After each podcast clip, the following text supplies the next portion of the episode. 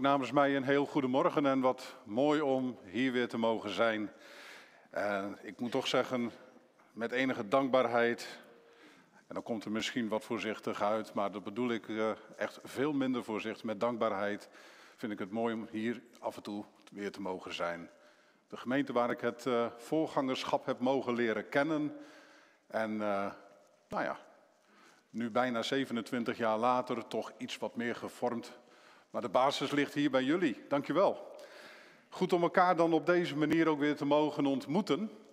Het lied Ik hou van je, ik hou van u, dat heeft een hele diepe lading. Alleen de ene keer komt die verdieping er soms wat beter uit dan een andere keer. Want er zijn momenten waarop het, het tot uitdrukking brengen van ik hou van u wat meer oprechtheid vraagt dan dat je soms verwacht.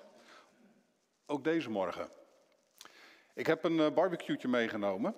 En er is al met enig verlangen naar gekeken en ook ingekeken. Ja, hij is heel veel gebruikt.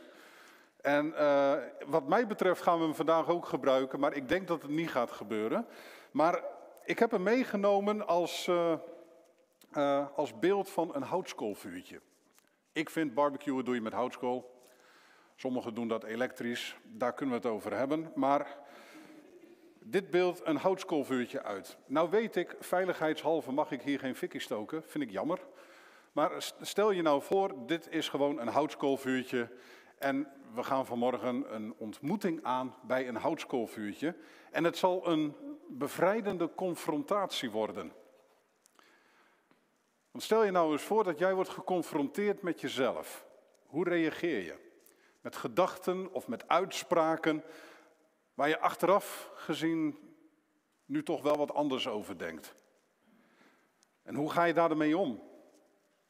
Stel je voor, je wordt geconfronteerd met daden, met woorden waar je achteraf gezien spijt van hebt. Zoek je dan excuses? Zo van ja, het komt door dit of het komt door die. Of zoek je uitwegen of durf je er ronduit eerlijk voor uit te komen? Wat de gevolgen ook zijn, ja, dat heb ik toen gezegd en dat heb ik toen gedaan. En ja, ik moet nu de gevolgen wel erkennen. Het overkwam namelijk Petrus, een van Jezus' beste vrienden, nadat Jezus was opgestaan uit dood en graf. Jezus verscheen aan zijn vrienden. En opnieuw zocht Jezus dan iedere keer relatie. En bij iedere verschijning na Jezus' opstanding lees je ook twijfel, je leest over schrik en verwarring. En ik kan me voorstellen dat dat begrijpelijk is. Je hebt je beste vriend zien sterven en dan staat hij weer levend en wel voor je. En dan? De evangelisten vermelden maar liefst zeven verschijningen.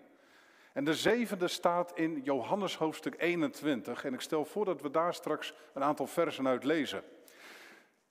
Die verschijning in Johannes 21 is confronterend en tegelijkertijd ook bevrijdend. Petrus werd daar geconfronteerd met zichzelf. En om eerlijk te zijn, laten we deze morgen eens naast Petrus gaan staan. Want het overkomt ons allemaal wel eens. Dat je wordt geconfronteerd met woorden of keuzes waar je achteraf spijt van hebt. En wat doe je dan? Het gebeurde onder andere in Johannes hoofdstuk 21 en ik stel voor dat we dat gaan lezen. Maar zullen we eerst met elkaar een zegen vragen over het woord van God. Want vader, dit is uw woord. En iedere keer als we vanuit uw woord willen lezen wat u daarin hebt laten plaatsen, dan is het net, Heer, alsof u tot ons gaat spreken. Meer nog, u wilt tot ons spreken. En u wil dan duidelijk maken wie u bent en wie wij mogen zijn voor u. En u wil dan duidelijk maken, Heer, hoe u die relatie ook ziet, die wij mogen kennen met u, met elkaar, met onszelf we lezen over mensen waar we onszelf wellicht voor een deel in herkennen. We lezen over situaties waarin we onszelf soms ook zo herkenbaar kunnen verplaatsen. En als dat weer gebeurt, dan gaat u spreken. Heer, spreek deze morgen ook maar weer opnieuw. Spreek tot ons, of we nu hier zitten of thuis op de bank of waar dan ook. Spreek ook tot mij en laat maar zien wie u bent en wie ik mag zijn voor u. In Jezus' naam. Amen. zullen we met elkaar lezen Johannes hoofdstuk 21 vanaf vers 1. We lezen dan tot en met vers 9 en dan lezen we nog één vers later. Johannes hoofdstuk 21. Daar staat, hierna verscheen Jezus weer aan de leerlingen, maar nu bij het meer van Tiberias. En het gebeurde als volgt. Bij het meer waren Simon Petrus en Thomas, dat betekent tweeling, Nathanael uit Cana in Galilea, de zonen van Zebedeus en nog twee andere leerlingen. En Petrus zei, ik ga vissen. Nou, wij gaan met je mee, zeiden de anderen. En ze stapten in de boot, maar de hele nacht vingen ze niets. En toen het al ochtend werd, stond Jezus op de oever, al wisten de leerlingen niet dat het Jezus was. En hij riep, hebben jullie soms iets te eten? Nee, antwoordden ze. Nou, gooi het net aan stuurboord uit, riep Jezus. Dan lukt het wel. Nou, zo gezegd, zo gedaan. Ze wierpen het net uit en er zat zoveel vis in dat ze het niet omhoog konden trekken. De leerling van wie Jezus hield, zei tegen Petrus: Het is de Heer. En zodra Simon Petrus dat hoorde, schortte hij zijn bovenkleed op. Meer had hij niet aan, sprong in het water en de andere leerlingen kwamen met de boot en sleepten het net vol vis achter zich aan. Ze waren niet ver van de oever, ongeveer 200 el. En toen ze aan land kwamen, zagen ze een vuurtje met vis erop en brood. Lees ik vers 15 nog. Toen ze gegeten hadden, sprak Jezus Simon Petrus aan. Simon, zoon van Johannes, heb je mij lief, meer dan de anderen hier? En Petrus antwoordde, ja Heer, u weet dat ik van u houd. En hij zei, wijd mijn lammeren. Schitterend hoofdstuk, althans ik vind het een schitterend hoofdstuk. Jezus begroette zijn vrienden met een barbecue als ontbijt. Wat wil je nog meer? Dit gedeelte lijkt een alledaags gebeuren te verhalen. Petrus en de andere vrienden gingen vissen, ze waren immers ook vissers. Maar het vissen bleek deze keer geen succes. En de volgende morgen ontmoeten ze dan Jezus. Het lijkt een alledaags gebeuren, maar er gebeurt zo verschrikkelijk veel in deze paar versen. We ontmoeten Petrus hier die met zichzelf worstelde en niet een klein beetje ook. Petrus werd hier geconfronteerd met zichzelf. En we ontmoeten Jezus. En Jezus is hier vooral degene die genade geeft. En dat is waar het hier in Johannes hoofdstuk 21 over gaat. Genade. Genade als vrucht van Jezus dood en opstanding. Maar wat is genade? Genade lijkt soms een onbegrijpelijk kerkelijk woord. Genade lijkt soms ook iets voor watjes. Een aantal van jullie kent dat spelletje misschien nog wel. En dan ben je aan het stoeien met elkaar en als jij dan bovenop zit, dan druk je je knieën even lekker op de biceps van de ander. En dan moet je dan zo lang blijven rollen totdat die ander genade roept. En dan heb jij gewonnen. En dan laat je ook los. Ken je het spelletje? Niet leuk, hè? Nee. Moet je ook niet meer doen. Maar dan is genade iets voor watjes. Want als je dan verloren hebt, dan moet je roepen om genade en dan is het voorbij. Maar dat is niet de genade die Jezus hier bedoelt. Als je wordt geconfronteerd met dat waar jij spijt van hebt. Als je geconfronteerd wordt met die woorden, met die keuzes, met die daden waar je nu zo anders over denkt, dan is genade vergeving. En dan is genade dat wat jou overstelpt met liefde, met vrede, ondanks dat je dat misschien totaal niet meer had verwacht, dan is genade dat wat jou herstelt. Dan ontdek je ook dat genade enerzijds pijnlijk irritant is, omdat het jou confronteert met keuzes waar je achteraf spijt van hebt. En tegelijkertijd is die genade ook ontzettend bevrijdend, want het maakt je tot een nieuw, een ander mens. Dus genade doet je goed, ook als je genadig bent naar de ander toe. Terug naar Johannes 21. Het lijkt een alledaags gebeuren te verwoorden en toch gebeurt hier zoveel. Jezus is opgestaan uit de dood. En eigenlijk is er ook niets veranderd. Je hoort het Petrus ook zeggen. Ik ga vissen. En ook de anderen staan op. Nou, dan gaan we met je mee, joh. Want ja, het, het leven moet wel doorgaan, toch? En heel de nacht vingen ze niets, lees je dan in vers 3. Alsof het hun niet lukte om het gewone leven weer op te pakken. En dan is daar ineens die man op het strand. Die man die dat hele zotte voorstel doet, zo van, nou gooi het net anders uit aan de andere kant van de boot. Het lijkt op een domme Belgische grap, weet je wel, als hier geen vis is, is het daar wel. Maar ze doen het.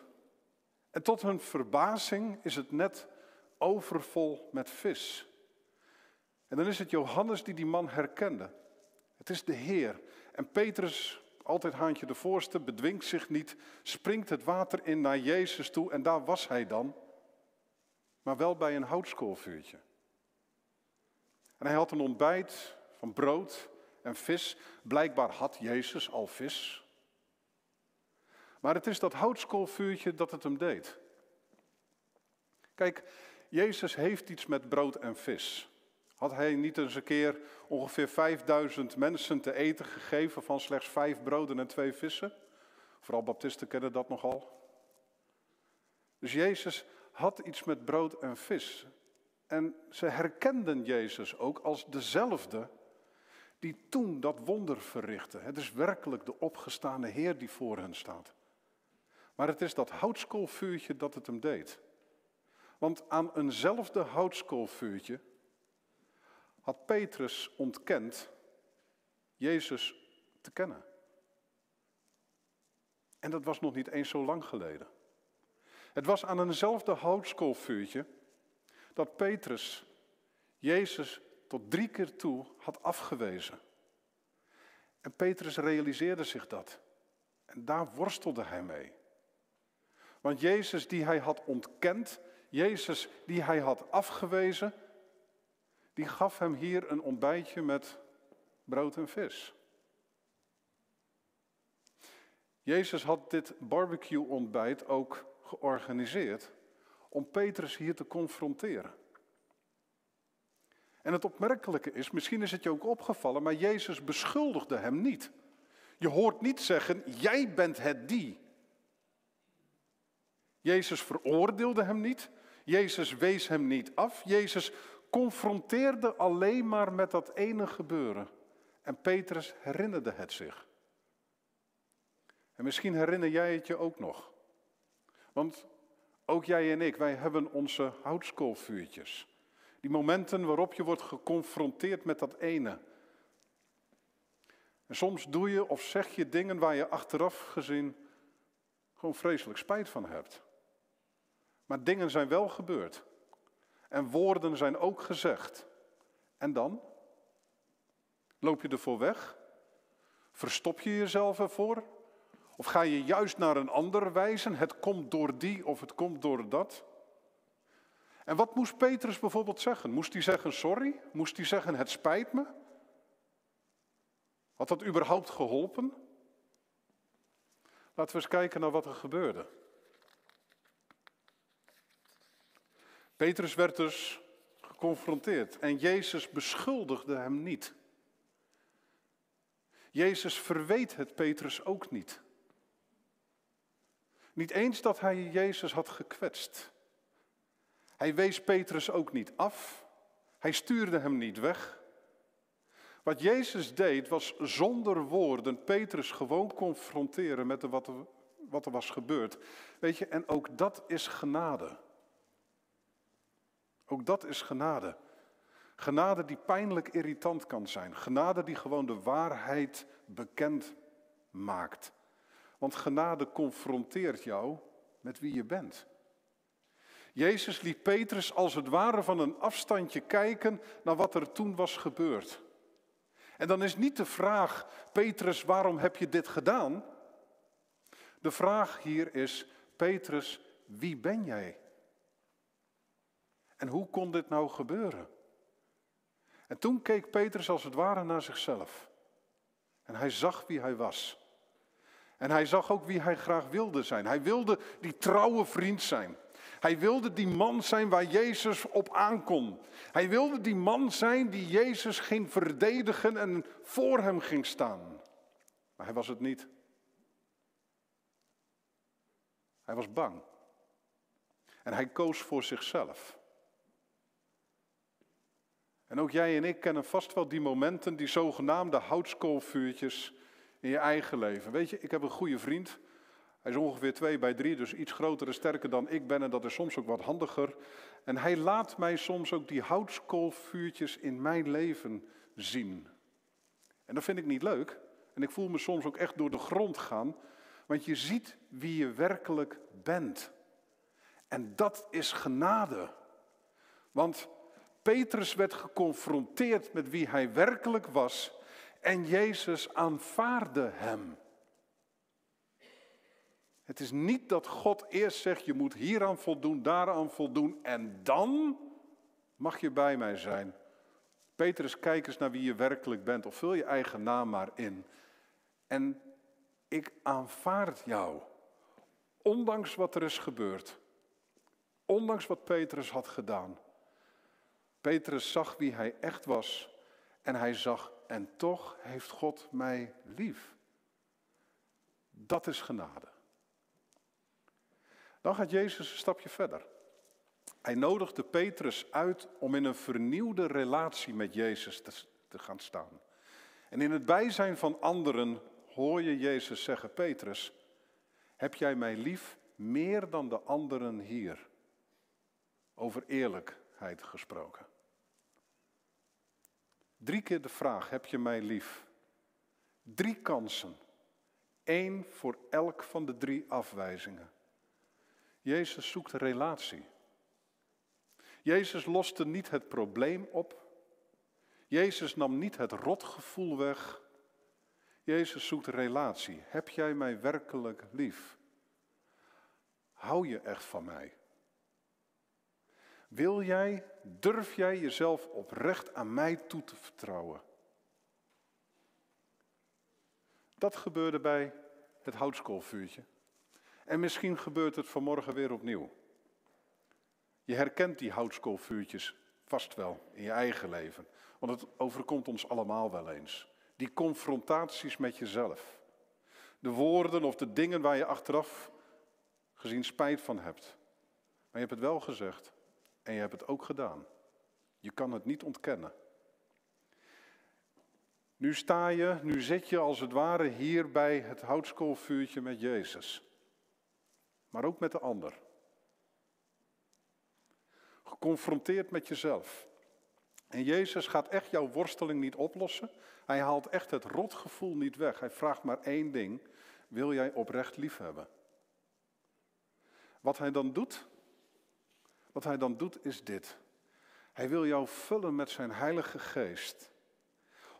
Om jou vrede te geven, om die vernieuwde relatie aan te gaan en vorm te geven. Vrede voor jou, zodat jij vrede kan geven. Hij wil jou vullen met liefde. Liefde om opnieuw de ander en jezelf weer lief te kunnen hebben. Hij wil je vullen met visie om te dienen. Vreugde om te leven. Dus hier sta jij, hier zit jij bij het houtskoolvuurtje. En de enige vraag die Jezus jou stelt is deze. Wil jij je oprecht toevertrouwen aan mij en mijn genade ontvangen? Wat is jouw antwoord? Amen.